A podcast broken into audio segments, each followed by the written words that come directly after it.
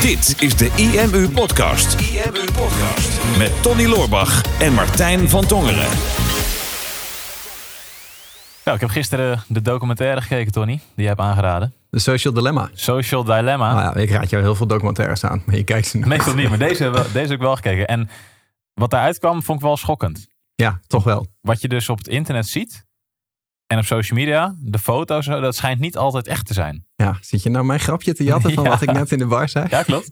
Ja, dat internet is, is geen, geen werkelijke weerspiegeling van de wer- werkelijkheid. Nee, Dat is wel een goede zin. geen werkelijke weerspiegeling van de werkelijkheid. Nee, dat klopt. Het is, Ja. het is niet echt. Nee, het schijnt wel dat je op internet dingen ziet die, die misschien wat mooier zijn dan de werkelijkheid. En soms dingen ziet die helemaal niet waar zijn. Ja, Ja. daar hou je toch geen seconde rekening mee. Daar had ik geen rekening mee gehouden. Hè. Het schijnt dat je dus met social media ook mensen kan beïnvloeden. En dat het steeds meer op grotere schaal ook gebeurt. Ja. En ehm, ja, die documentaire, een beetje, een beetje met een gekke, eh, gekke bek natuurlijk dat we dit zeggen in het begin. Maar die documentaire die gaat erover ehm, dat social media natuurlijk een enorme invloed heeft op, op ons leven van vandaag de dag. Mhm. Ehm, en dat er een heel veel positieve kanten zijn van social media. En dat vaak die positieve kanten, mogen we vanuit gaan, dat ze daarom ook zijn ontwikkeld. Om mensen bij elkaar te brengen. Om ervoor te zorgen dat mensen met elkaar in contact kunnen blijven.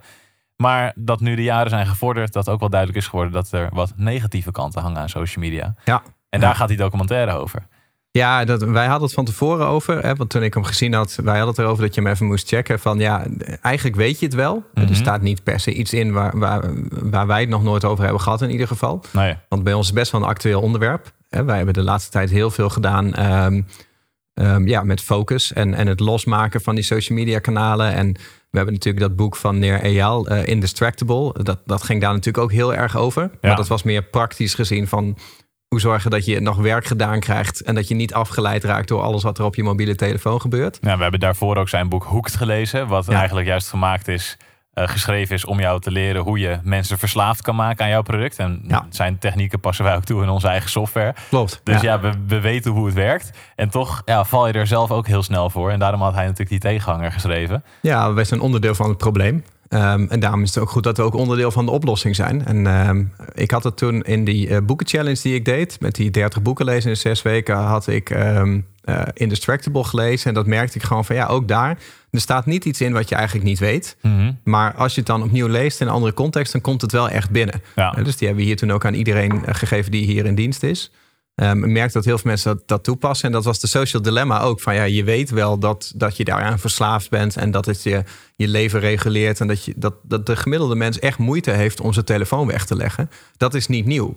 Maar ja, ik vond de social dilemma toch ook wel weer schokkend hoor. Dus Ja. niet alleen eh, de verslaving. Eh, maar je hebt natuurlijk gewoon allemaal mensen aan het woord die, die deze tools gebouwd hebben. Hè? Dus de, de uitvinder van de Facebook like-button. Leuk sowieso om te zien wie dat is. Ja, Volgens mij was dat dezelfde man als die ook Asana is gestart, toch? Heb- Weet je dat nog? Heb je dat gezien? Nee, nee, heb ik niet. Wij werken natuurlijk ook met Asana. Ja. En ehm, Dus ook de uitvinder van de Infinite Scroll, die was, was, zat er ook in. Vond ik Ja, ook mooi. ja. Oh, dit is gewoon de guy die dit heeft, heeft bedacht. Hoe vet is dat? ja, en, en, en Sean Parker eh, Ja. van Facebook. Dus, dus niet Justin Timberlake. Nee, dat dacht Als ik ik aan Sean ook. Parker denk, dan denk ik... Ik heb ook al die boeken die jij... Die, die 30 dagen boeken challenge. Of die 60, 6 weken boeken... 30 boeken challenge. Zo, Ja, 6 moeilijk, weken, ja. 30 boeken challenge. Er kwam ook in een aantal van die boeken kwam Sean Parker naar voren. En als je dan de naam Sean Parker leest, dat dan denk je aan Justin Timberlake. Ja, uit de film. Ja, maar, dan, maar hij, is, hij, is, hij, ziet er, hij is wat voller dan Ja. Justin Timberlake. maar, eh, nee, maar wat ik, ik vind dat wel confronterend. Want het zijn eigenlijk de mensen, zonder te verklappen wat er in die docu zit, die, die het mede hebben gebouwd. Dus eh, de social media platformen, maar ook Google en andere diensten die ons leven beheersen. En ehm, die nu eigenlijk daar een, een ethisch dilemma mee hebben, een ethisch bezwaar. Dat ze enerzijds niet wisten wat ze aan het bouwen waren. Dat het gewoon vanuit de goede plek kwam, maar dat dit het is geworden. Mhm. En anderzijds, wat ik ook wel schokkend vond, sommige mensen die letterlijk zeggen van ja, we, we wisten bijvoorbeeld met Gmail van ja, we zijn een, een, een dienst aan het bouwen. Die straks door miljarden mensen, die gaan hiermee opstaan en die gaan hiermee naar bed met deze tool. Die gaan hier letterlijk waarschijnlijk zeven dagen per week, iedere dag een paar uur van hun tijd gaan ze besteden in deze tool. Ja. En dan, en dan zit je met, met 60 of 70 gedragswetenschappers te kijken naar hoe kunnen we hem zo maken dat je, er, dat je er ook aan verslaafd raakt, zodat je niet naar de concurrent gaat. En daar hebben ze dan achteraf weer een, een soort van ethisch bezwaar mee. Mooi dat ze zeiden van, eh you can't put the genie back in the bottle. Hè? Van, Ja. ja. het probleem is er nu. en het zal ongetwijfeld opgelost kunnen worden. Maar, maar hoe? Ja, precies. Dat, dat is het dilemma natuurlijk. Want ja, je kan wel een tool gaan verbannen en je kan met regels gaan werken. Maar het zit nu zo gewoon verwerkt in de, in de samenleving. Ja. Ehm, en de impact die het natuurlijk heeft. En er zit door de documentaire heen zit een soort van kleine dramafilm verwerkt. Die het dan ja, nog erger maakt. Nog erger maakt dan het al is. En dan alsof er dus drie, drie mensen zijn die dan in jouw computer zitten. Die wat die dan bedenken om ervoor te zorgen dat jij verslaafd raakt aan je telefoon. Mm maar een van de dingen die ik ook wel schokkend vond, was de impact van social media op tieners natuurlijk. Mhm. En um, voor, voordat we alles verklappen, er worden een paar grafieken naast elkaar gelegd die in ieder geval duidelijk maken dat social media wel degelijk impact heeft op de levens van mensen. Mhm. En we hebben natuurlijk Indestructible inderdaad gelezen op kantoor. En daarvoor ook het boek Focus natuurlijk van Mark Tichelaar. En we zijn er zelf veel mee bezig omdat we ondernemers zijn. Ehm, en iedere keer als je daarmee bezig bent, dan maak je wel een paar beslissingen en trek je een paar conclusies van oké, ik ga een paar dingen anders doen. Ja. En dat was bij het kijken van deze film eigenlijk ook weer. Het was een soort weer van extra bevestigingen. Op een andere manier werd je benaderd van oké, ik moet echt mijn social media en mijn internetgedrag moet ik weer wat gaan aanpassen en verscherpen. En ik sprak, vanochtend sprak ik Bas erover um, uit ons team. Die had de film ook al gezien. Mhm. En die had Indestructible ook al gelezen. En die zei, ja, nadat ik die film heb gekeken, heb ik Indestructible nog een keer gelezen meteen. Je En er ik heb- vanaf komt. Ja, hoe je er vanaf komt. Ja. Dus hij heeft toen meteen al zijn, eh, ehm, al zijn social media apps verwijderd. En hij zegt, ja, ik merk nu, ik ben nu begonnen met, met gewoon het lezen van meer boeken. En iedere keer dat ik normaal gesproken mijn telefoon zou pakken, ben ik nu een boek aan het lezen. Ja, ik lees nu een boek per week. Ja, ja dat ging lekker op. Dus dat ja. is de tijd, tijdswinst die hij daar dan mee heeft Nog gepakt. geen 30 in zes weken. Nee, Maar maar- het is ook geen wedstrijd, hè? nee. Maar als de wedstrijd was. dat was niet close. Was En dan zou ik winnen. Ja. Nee, nou, ik ben er ook weer mee begonnen. Want ehm waar ook bij jongens in ons team, eh, Joost en Jelle... ehm, die had ik een tijdje geleden toen met die boekenchallenge verteld... over hoe mijn ochtendproces was. Dat ehm, ja, als je vijf boeken per week moet lezen... Dan, dan moet je wel redelijk goed je tijd in de gaten houden. En wij deden dat dan ook nog... ehm, of ik deed dat dan in de tijd dat wij ook nog die eh, challenge deden. Dus zes dagen op rij gingen we live een paar maanden geleden. Eh, en de business liep ook gewoon door. Hè? We waren gewoon druk bezig. En ehm, toen merkte ik van ja, dat gaat mij niet lukken als ik niet in volle focus kan lezen. Ehm, dus toen stond ik ochtends gewoon om zeven uur op. En toen was het eerste wat ik deed om zeven uur, was gewoon kopje koffie pakken en gaan lezen. Gewoon dedicated twee uur lezen. En ik merkte dat gewoon zeker tussen zeven en acht, dat als ik nog niet op mijn telefoon had gekeken, als ik nog niet mijn laptop open had gehad, als ik nog niet had ontbeten, ook als ik nog niet gesport had, dus ik had nog niets van input in mijn lichaam gehad, Ehm, dan kon ik iets van 100 pagina's per uur lezen. Hè? Als het Nederlands was en het was netjes opgemaakt. En dan merkte ik ook, dan kon ik gewoon naar een alinea kijken. En dan, dan, dan vloeide het gewoon mijn hoofd in. Dan kon ik gewoon naar het midden van een alinea kijken. En dan wist ik wat er stond. En dan snapte ik het.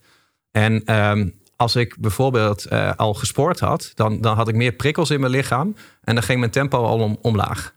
Ehm, en als ik bijvoorbeeld mijn telefoon eh, naast me had liggen, zelfs als die geen geluid maakte, als ik hem alleen al kon zien, dan dwaalde mijn aandacht al af. Hè? Of als ik ochtends even, eh, even door mijn Instagram feed had gescrolld, dan had ik input gekregen. En dan merkte ik gewoon tijdens het lezen dat gewoon bij alles wat ik las, dat mijn gedachten afdwaalden naar wat ik daarnet op Instagram had gezien. Ook al had dat niks met elkaar te maken.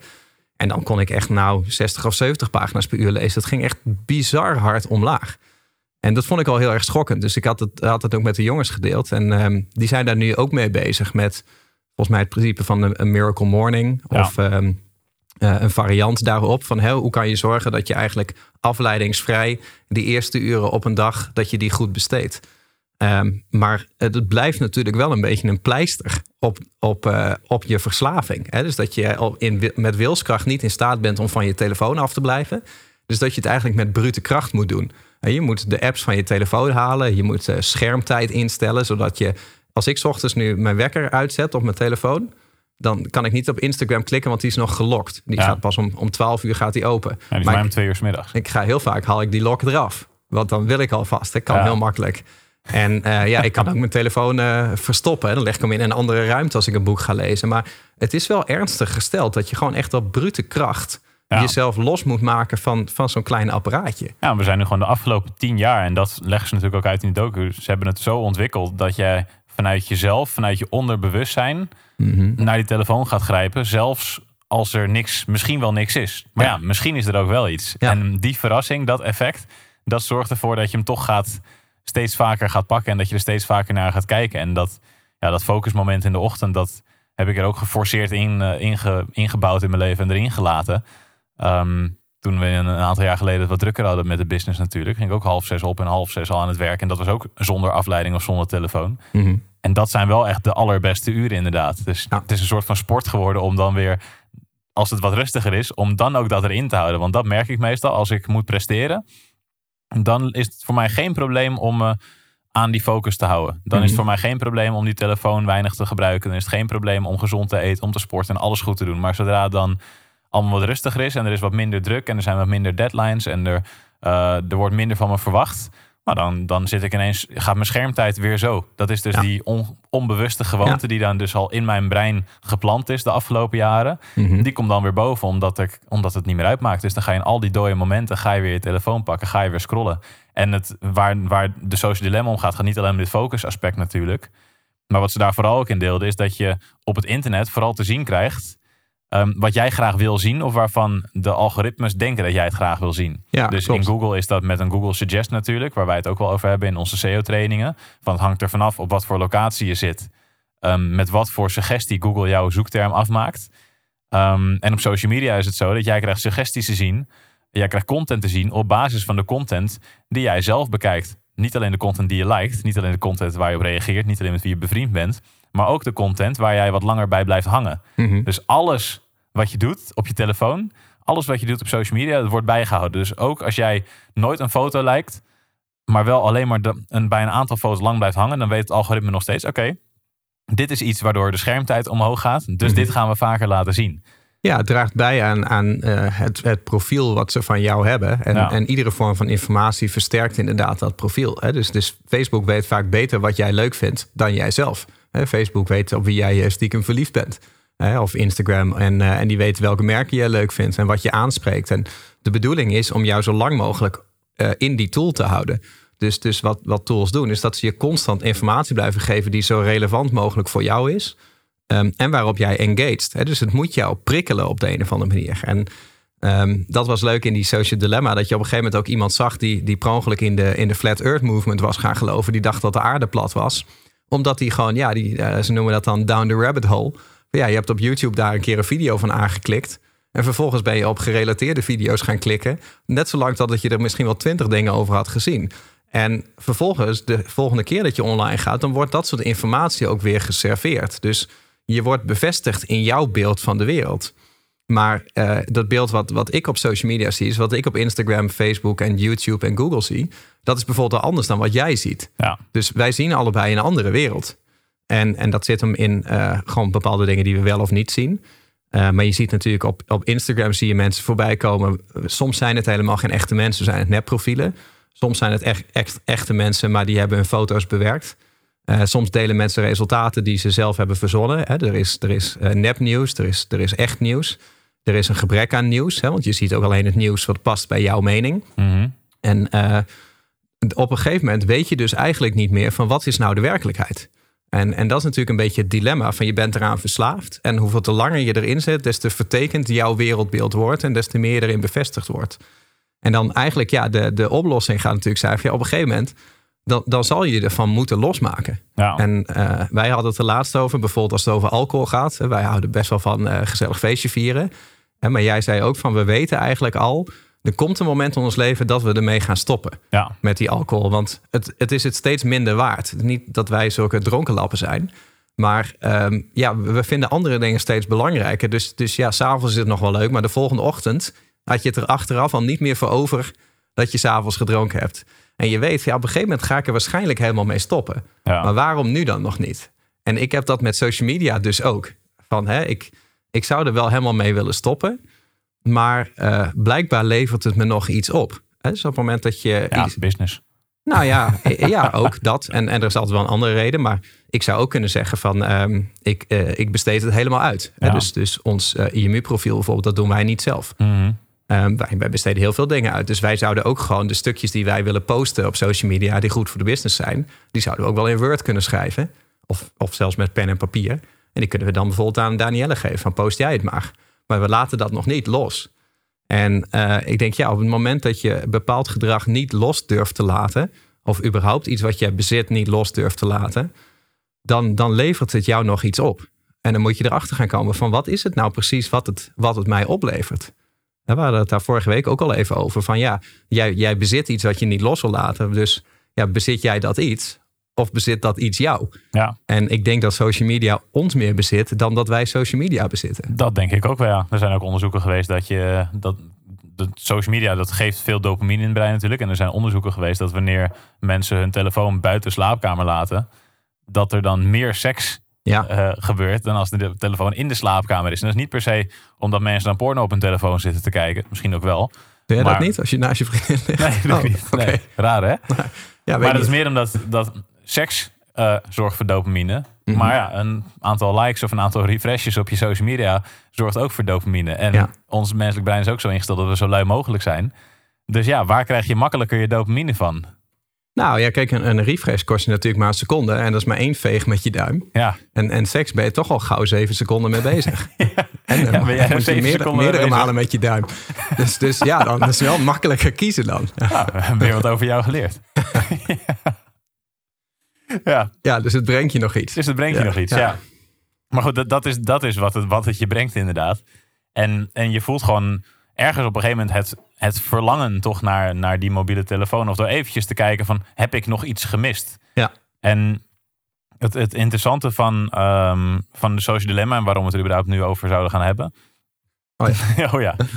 Ehm, is niet alleen van het, het focusprincipe... maar ook dus van de, de, de soort van funnel... waar je eigenlijk ingetrokken wordt door social media... op basis van je eigen interesses, op basis van je eigen profiel... en wat social media dus verwacht... of wat het algoritme verwacht, wat jij interessant vindt... Mhm. waardoor je schermtijd omhoog gaat. En wij zeggen ook altijd...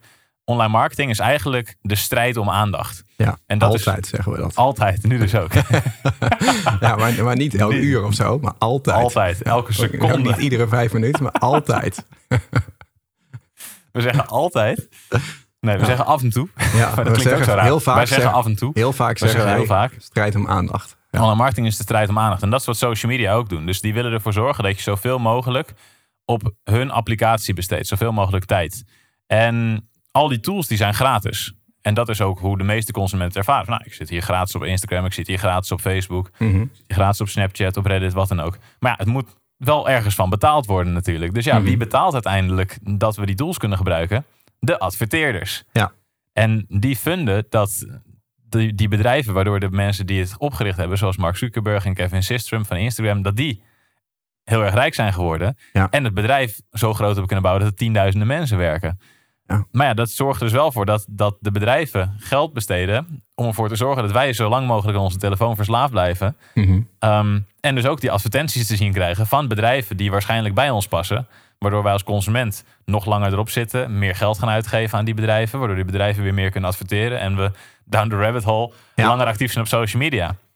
En wij zijn een van die bedrijven die ook adverteren op social media naar onze doelgroep. Of naar wat, on- wat het algoritme denkt dat onze doelgroep is. Omdat wij als doel hebben om zoveel mogelijk mensen te helpen met onze content en met onze producten. En een mooie business daarvan willen bouwen. En wij maken ook gebruik van dat platform. Mhm. Maar wij dragen daardoor ook een soort van bij aan dat social dilemma. En dat is een vraag die ik had gekregen van Tim. Ja, dus we zitten al bijna 20 minuten in de podcast, maar nu komt die. Oh ja, nu komt de vraag. Ja. Tim die had een vraag gesteld aan mij. Die zei, eh, want ik had gedeeld op Instagram dat ik hem had eh, gekeken.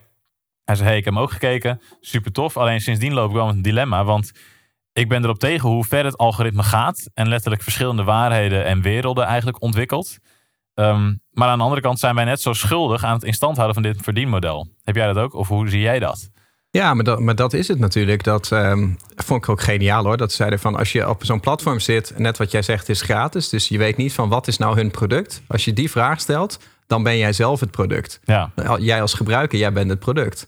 Dus wij bezitten inderdaad niet een profiel, maar die profielen die bezitten ons. ja. En wij zijn, wij zijn hun business. Ons, en, ons gedrag is eigenlijk hun business. ja, klopt. Want, en, en wij leveren ook de content. Ja. De social media platform faciliteert alleen. Eh, wij, zij hebben zelf geen content. En ehm, ik vind dat inderdaad ook wel. Ik denk, wij hebben ongelooflijk veel te danken aan, aan die social media platformen en ook aan Google. Want ehm, ja, anders zou onze business trouwens niet eens bestaan. Misschien dat we dan wel een ander bedrijf hadden gehad. Maar ja, wij verkopen natuurlijk ook nog eens online marketing. Ja, En het is nog nooit zo makkelijk geweest om, eh, om een doelgroep te bereiken. Moet je je voorstellen dat je nu geen internet had. En dat, dat wij ondernemers in Nederland moesten gaan bereiken en ze warm moesten gaan maken voor, voor onze producten. Dan moesten we naar de radio en naar de televisie en naar de kranten. En moesten we daar aankloppen om daar advertenties te kopen. Of dan moesten we in de bushokjes gaan hangen. Of we moesten gaan flyeren langs de deuren. Mhm. Of, wat, of we moesten ondernemersverenigingen gaan zoeken in Nederland en, en ons daar gaan presenteren. Maar de keuzes zijn redelijk minimaal. En dan geef je bakken met geld uit om, om zeg maar zoveel mogelijk mensen te bereiken. De hoop dat jouw klant ertussen zit. Via social media kan je zo gericht targeten. Dat je gewoon letterlijk binnen een half uur kan zien of jouw advertentie het doet of niet. En zo niet, dan kan je hem aanpassen. Ja, en dus het wel, dan weet je, oh, oké, dan ga ik nu opschalen. Ja, dus het is een enorme zegen, ook voor ons. Dus, dus ergens zouden wij inderdaad heel dankbaar moeten zijn. Ehm, daarom maken we er ook dankbaar gebruik van. Ja, precies. Ja. Ja, ik, ben- ik, ben ook, ik ben ook heel erg dankbaar dat we het op deze manier kunnen doen. Want wij hadden inderdaad nooit deze business kunnen hebben. Maar dat is een beetje het, het dubbele ervan. Van, vroeger was het, dan creëerde je een soort van één op de massa. En nu kan je veel gerichter één op één adverteren.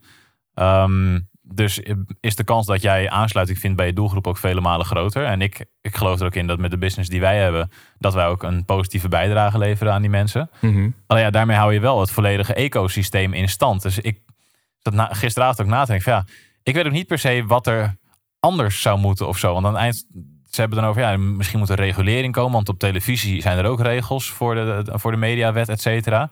Maar ja, dat, is, dat was een heel ander platform. Daar kon je in ieder geval als kijker nog zelf beslissen wanneer je weg ging zappen. Ja. Ehm, maar nu beslist het algoritme wat ik te zien krijg. Ja, En dat is natuurlijk een heel ander, heel andere vorm. En ik denk, nu zijn wij eigenlijk verslaafd aan die, aan die platformen. Ehm, of de meeste consumenten zijn eraan verslaafd. En wat er dan gebeurt, stel dat er, dat er regelgeving zou komen. Dat, het dus niet meer, dat een algoritme niet meer op basis van mijn voorkeuren dingen mag laten zien. Dat zou betekenen dat ik dus meer dingen te zien krijg die ik niet interessant vind. Waardoor ik het minder vaak ga gebruiken. Ja. Dat is op een gegeven moment wat bij Facebook is gebeurd. Dat het, de tijdlijn zo vervuild werd eigenlijk door te veel bedrijfspagina's en te veel advertenties en te veel negativiteit. Dat je ziet dat steeds meer mensen, of steeds minder mensen, Facebook zijn gaan gebruiken en zijn overgestapt naar een ander platform wat beter aansloot op, op de behoeftes. Ja, maar ja, daar is, daar, kijk, dat is inderdaad, dat is natuurlijk ook het dilemma waar de docu over gaat. Van, ehm, net als bijvoorbeeld eh, eh, eh, advertenties zijn niet eens per se het probleem. Ehm, maar bijvoorbeeld dingen zoals nepnieuws hè, of een vertekend beeld. Of ehm, de gevolgen van een vertekend beeld. Hè, dat jij het idee hebt als je op je Instagram kijkt dat iedereen om jou heen er beter uitziet dan jij en succesvoller is dan jij. Want je ziet alleen maar de opgepoetste plaatjes, waardoor je zelf ehm, eh, eenzamer wordt. Hè? Dat, je, dat je depressiever wordt, dat je minder zelfverzekerd wordt. En, en dat is echt in onze tijd dat een heel groot probleem. Nu komt corona er ook nog bij. Maar de, de vereenzaming van de maatschappij, dat, dat is echt een heel reëel thema. Eh, en dat komt ook dat mensen meer zich afstandelijk houden, omdat ze meer onzeker zijn geworden, omdat ze zich vergelijken met, met andere mensen, maar niet met echte mensen, maar met, met het web. Ehm, en dat in combinatie met dingen die bijvoorbeeld niet waar zijn. En ja, daar kun je zeggen, ja, dat moet je reguleren. Maar wie gaat dat dan reguleren? Want ja, dan kun je dat wel door de overheid gaan laten reguleren. Maar wie zou er nou meer verstand hebben van dat soort tools? Hè? De mensen die nu in Silicon Valley zitten, die dat gebouwd hebben. Heb je daar meer vertrouwen in? Of de mensen die in de Amerikaanse Senaat zitten? Ja, Of- die, die vervolgens aan, het, aan die mensen vragen, want er staat ook een stuk erin van ja, maar wie was er dan verantwoordelijk? Ja, En dat, dat, dat die guy dan zegt van ja, het platform. Het Ja. gaat niet om een persoon, maar het platform heeft dit zo, is zo ontwikkeld en is zo gebouwd. En daarom is dit zo gebeurd. Er is niet per se één schuldige. nee, het, is gewoon, het zijn steeds logische stappen. Ja. om, om het relevanter te maken en persoonlijker te maken. En ik bedoel, dat is ook net als de Nederlandse politiek. Ja, die mensen, da- daar hoef ik eh, geen gesprek mee te voeren om te kunnen constateren dat dat geen experts zijn op het gebied van dit soort technologie, hè, of artificial intelligence, of hoe dat moet werken. Daar zit natuurlijk een enorme kenniskloof. En, ehm, maar als je het dan hebt over bijvoorbeeld nieuws, kijk, als nou bijvoorbeeld eh, eh, het ene moment zegt bijvoorbeeld Thierry Baudet, we moeten uit de EU stappen. En die komt dan met allemaal argumenten waarom dat zou zijn.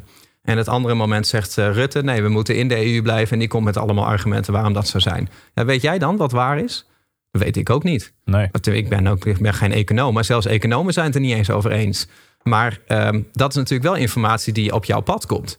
En als je er maar lang genoeg op doorgaat, dan krijg je alleen maar bevestigende berichten over hetgene wat jij hebt aangeklikt. Dus je bent rechtsaf of linksaf gegaan. Nou, dat is misschien ook kenmerkend dat ik nu Rutte linksaf noem. Maar Ja. nou, daar, ik, ik, wil- ik wil, of je bent rechtsaf of je bent extreem rechtsaf gegaan. Nou, ik vind Rutte juist linksaf gegaan. Maar dat is iets voor een, Een andere, podcast. Maar ik denk van, het maakt me, maakt me ook niet uit eh, welke kant je op wil. Alleen ehm, op een gegeven moment geloof je iets 100%. ehm, wat gevoed is door, eh, door ehm, eh, gesegmenteerde informatie. Dus je, je weet niet alles. Maar dat was voor het internet ook al zo. Hè? Wat je op het journaal zag, dat hoefde niet per se de waarheid te zijn. Klopt. En daar zit een beetje het probleem. En ehm, de mensheid verwacht van nou, als er maar eenmaal straks artificial intelligence is en slimme computers die slimmer zijn dan wij, dan wordt dat allemaal gefixt. Maar een computer weet ook niet wat waar is. En, en daar zit een beetje het probleem. Dus op een gegeven moment, ik keek die docu en ik dacht van ja, eigenlijk weet ik wel, net als met die drankjes, eigenlijk, op een gegeven moment ga ik er helemaal mee stoppen. Mhm. dus ik wil eigenlijk graag van social media af. En ik vind, ik vind het heerlijk wat wij doen. Ik vind een podcast ook leuk en ik vind het leuk om daar mensen mee te bereiken. Dus die zegen zie ik echt wel. Maar ik wil het niet meer mijn leven laten beheersen. Ehm, eh, en als ik dan zoiets heb, hè, wat jij ook zegt, van hebben wij niet ook een maatschappelijke verantwoordelijkheid? Want we hebben er veel aan te, denk, aan te danken. Mhm. Eigenlijk zouden juist wij ook de verantwoordelijkheid moeten hebben om mensen hierop te wijzen. En mensen te helpen om van hun verslaving van ons af te komen. Ja, Hè, want mensen zijn natuurlijk verslaafd aan ons, snap ik ook heel goed. logisch. Maar ehm, om daarmee te helpen, ik denk dat wij dat al wel kunnen doen door hier bijvoorbeeld zo over te praten, door het gesprek te gaan voeren. Dus eigenlijk moet, dus wat we eigenlijk mensen moeten adviseren van volg alleen ons en verder niemand. Ja, dan is niet zo'n probleem. Want dan heb je sowieso alleen de waarheid. Alles wat wij zeggen Ja, is waar. ja en, en dat is maar één keer per week. Hè? Ja, en dan, eh, dan kan je de rest van de week kan je leuke dingen doen. Dus dat lost het allemaal wel op. Maar nee, maar ik denk van, eh, ehm, ik, ik zie dat wel gebeuren. Dat, dat, dat mensen er straks een keer klaar mee zijn. Dus, dus eh, ik vergelijk het wel eens met bijvoorbeeld de hippiebeweging, hè, de jaren zestig. Dat er gewoon ineens een generatie zegt van, wij, wij doen niet meer mee. En dan niet zoals de social media mensen nu. Van, eh, niet meer mee. met de coronamaatregelen, een sterke boodschap. Wij doen niet meer mee. Dat betekent trouwens niet dat je niet aan de maatregelen hoeft te houden. want doen dat doen zelf. wij ook gewoon. Ja, oké. Nou, top man. Dankjewel. Weer een half uur van mijn leven wat ik niet terugkrijg. Ja. Ik Ja, denk wel, van- ik, ik, ik heb wel weer een mooi entertainment daarop teruggekregen. Dan, dat vind ik dan wel weer mooi van social media, hoe snel het dan gaat. Van, Ja, heb je dat er dan weer een spoof wordt gemaakt van dat zal, wij zijn samen, wij zijn samen, wij zijn samen, allemaal achter elkaar samen tegen corona.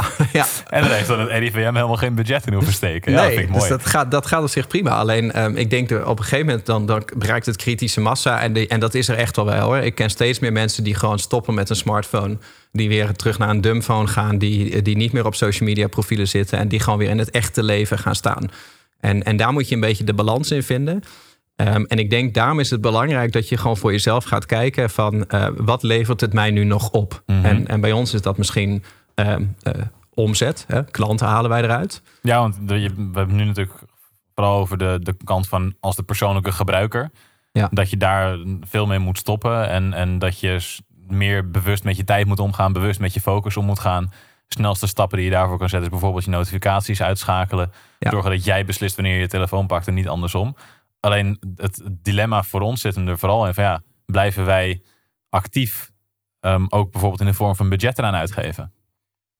Ehm, ja, nou, dat, dat ligt eraan wat wij verder allemaal doen. Ik denk dat als wij vervolgens onze eigen doelgroep ook weer eh, bewust maken van, van dit soort dingen, ehm, dan, dan denk ik dat je daar wel een goede balans in kan vinden. Want als ze eh, onze ads niet zien, dan zien ze de ads van een ander. Ja, En eh, dan denk ik van, dan kunnen ze beter onze ads zien en bij ons terechtkomen. Want dan hebben wij in ieder geval iets van controle op eh, wat we ze dan vervolgens die mensen geven. Hè, dus dan kan het ook wel weer recht praten. ja precies. Ja. Daar vraag ik het ook aan jou. Ik denk alles wat krom is, dat praat jij toch wel recht. Al, alles wat krom heeft, heeft recht op een goede kans.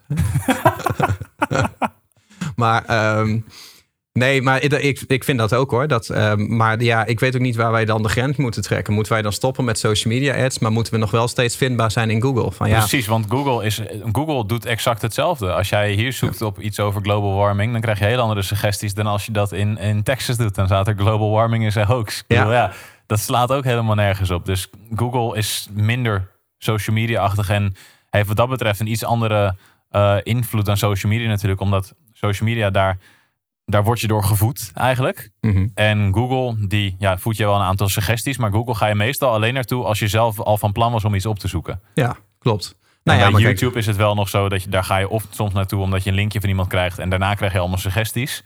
Ja. Ehm, maar bij Google is vaak wel de eerste stap ligt over het algemeen bij jezelf natuurlijk. Ja, maar, maar, maar daarvoor zijn wij niet verantwoordelijk. Nee. Eh, ik denk, eh, je moet wel kijken van eh, wat is jouw verantwoordelijkheidsgevoel en wat is je verantwoordelijkheidsgebied. En, en ons verantwoordelijkheidsgevoel zegt van wij moeten de mensheid hiermee helpen.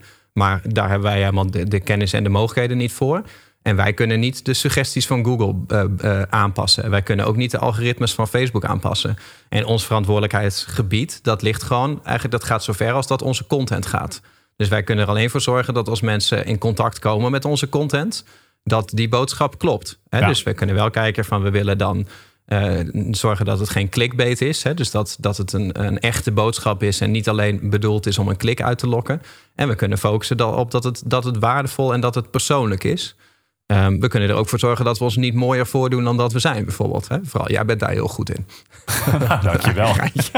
maar, al die uren aan die filters al die make-up, ja. Nee, maar, maar, maar gewoon om je echte zelf te laten zien. En, en, en dat zijn, kijk, ik vind altijd een beetje lastig met de, de body positivity en, en, de, en, de, en de eh, hashtags en de stromingen, zeg maar, om bepaalde maatschappelijke issues aan te pakken. Maar um, denk, ja, daarmee maak je je wel zelf uh, onderdeel ook van een eventuele oplossing. Dat uh, als jij jezelf constant mooier voorgeeft dan dat je bent, dan ben je onderdeel van het probleem. Ja. He, maar ik wil hadden vanochtend nog weer een live sessie waar ik gewoon een, een verhaaltje vertelde over iets wat er bij ons mislukt was, een marketingactie. En er kwam zoveel respons op dat mensen iets hadden van ja, wat fijn dat je, dat, dat je die kwetsbaarheid deelt. Maar ik denk, ja, dat is eigenlijk heel raar dat dat als kwetsbaar ervaren wordt. Want het is gewoon de waarheid. Het is helemaal niet per se kwetsbaar. Het is alleen niet het opgepoetste plaatje. En op een gegeven moment is het al zo ver afgedwaald dat alles wat de waarheid is, daar kom je eigenlijk niet meer mee. Dat doe je niet. Je doet alleen iets wat mooier is dan de waarheid. Dus ik denk daar zit het voor ons, de verantwoordelijkheid op de content. Um, en wij kunnen het verder trekken door aan te geven van wat doen wij nou zelf ja. om er vanaf te komen. En um, dus je gaat ofwel kijken van wat levert het mij nou nog op. Dus, dus omzet, klanten. Uh, soms is dat ook erkenning. Hè, dat je denkt van ja, ik poets het plaatje op omdat ik dan meer waardering krijg. Mm -hmm. uh, moet ik... Uh, oh, oké. Okay. Nou, camera piept. De camera piept, ja. Oh. Ik, ik ben nu al vier keer aan dit verhaal begonnen. Ja. En elke keer is er een afleiding. Zie je, het is, dit is gewoon karma. Ja. Er gebeurt gewoon iets. Um, maar uh, dus, dus dat, kan, dat kan erkenning zijn. Um, maar uh, uh, dat, dat kan ook gewoon zijn dat het voor jou te spannend is om in een offline wereld te leven en, in te, en te denken. Ik heb dat gemerkt. Ik was laatst aan het werk met ehm, toen wij die cursus gingen opnemen. Dat was voor mij na de vakantie dat ik een beetje met die PowerPoints en zo aan het werk ging. En normaal gesproken, als ik in focus ga, dan zet ik alle meldingen uit. En dan heb ik mijn internet uit en dan kan ik gefocust werken. Maar ik zat er nu ja, was ik te comfortabel. Want we hadden tijd zat. En uh, ik denk, nou ja, dan ga ik gewoon niet in focus. Dan ga ik gewoon, uh, laat ik alles openstaan. En dan was ik bezig aan het werk. En dan elke keer als het spannend werd, als ik een beslissing moest nemen, waar ik wat dieper voor moest nadenken, dan ging ik naar mijn WhatsApp toe. Of dan ging ik naar mijn Instagram of naar mijn Asana. Of dan ging ik even, even erbij weg. Dan ging ik even op iets anders klikken. Of dan keek ik op mijn telefoon. En ik denk, ja, maar dat, dat is het wel. Door afgeleid te zijn um, hou je jezelf zeg maar kunstmatig op de oppervlakte. Dus, dus alles wat jij spannend vindt om over na te denken, of waar je eigenlijk een belangrijke beslissing moet nemen, wat je, wat je een beetje eng vindt, dat voorkom je door afgeleid te zijn op social media. En, en dat, dat is een beetje spannend. En daarom kom je er vaak ook niet vanaf. Omdat het echte leven is vaak op korte termijn wat pijnlijker dan een oppervlakkig leven in een, in een digitale wereld. En ik denk daar, uh, daar uh, misschien dat wij mensen daarmee moeten helpen. Of andere mensen helpen aan bereik die daarmee kunnen helpen.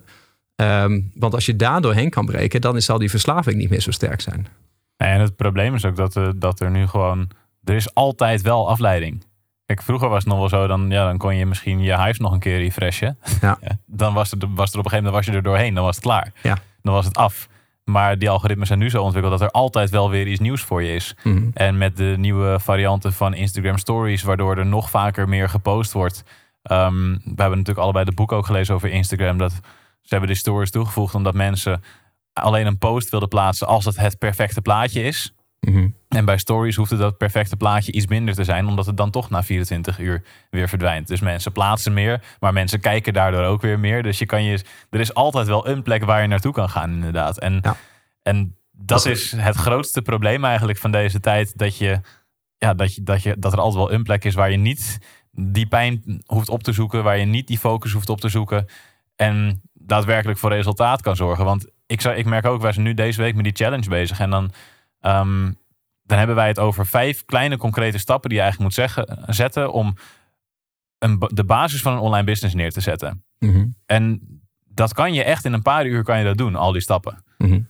En als ik dan kijk naar de, naar de, de bezwaren die worden opgeroepen, ja, dat lukt niet en ik heb daar geen tijd voor.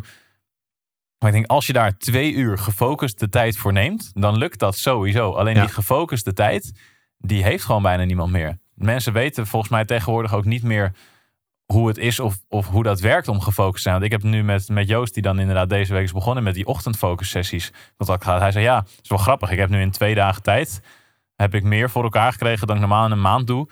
Ehm, omdat ik dan in die, ehm, dan denk ik, ik heb nu allemaal taken gedaan, wat ik al heel lang wilde gaan toepassen.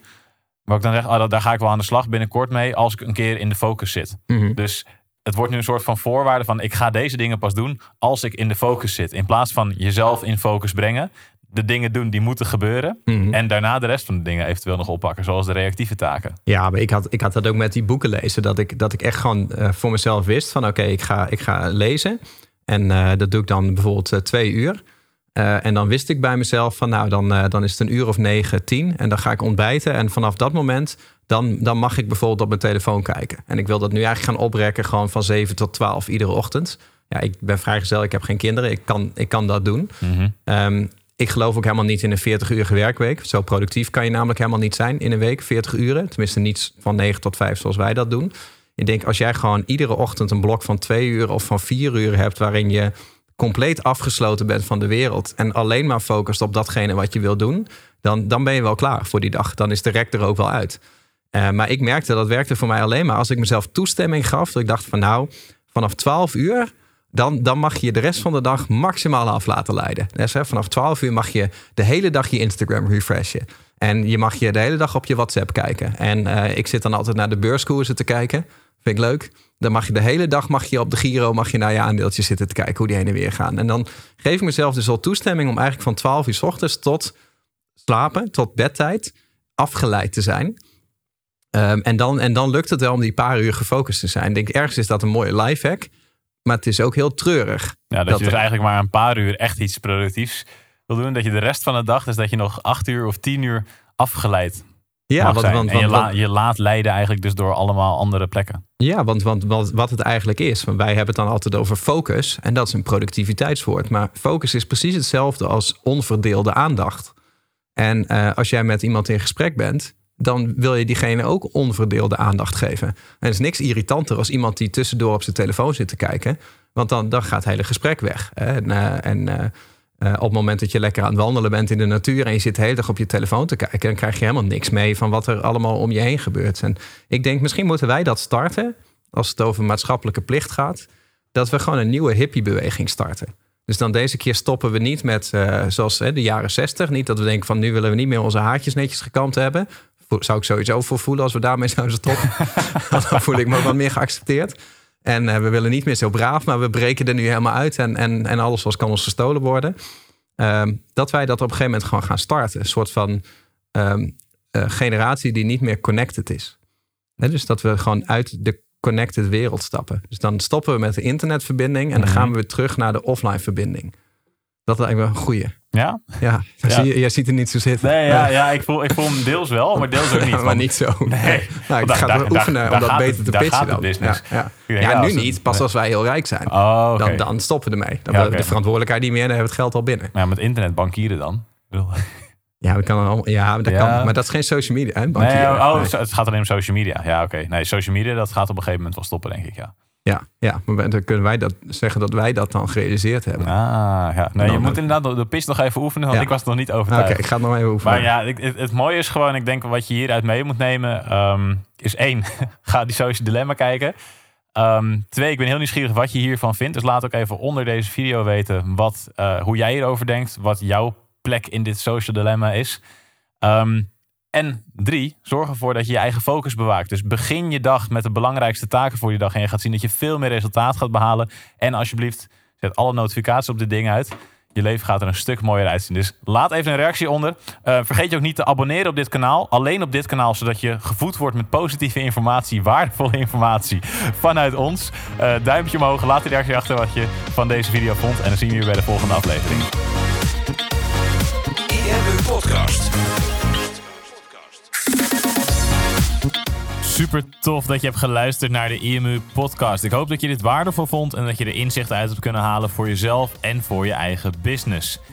Vond je dit nou een waardevolle podcast, dan zouden Tony en ik het heel erg waarderen als je dat zou willen delen.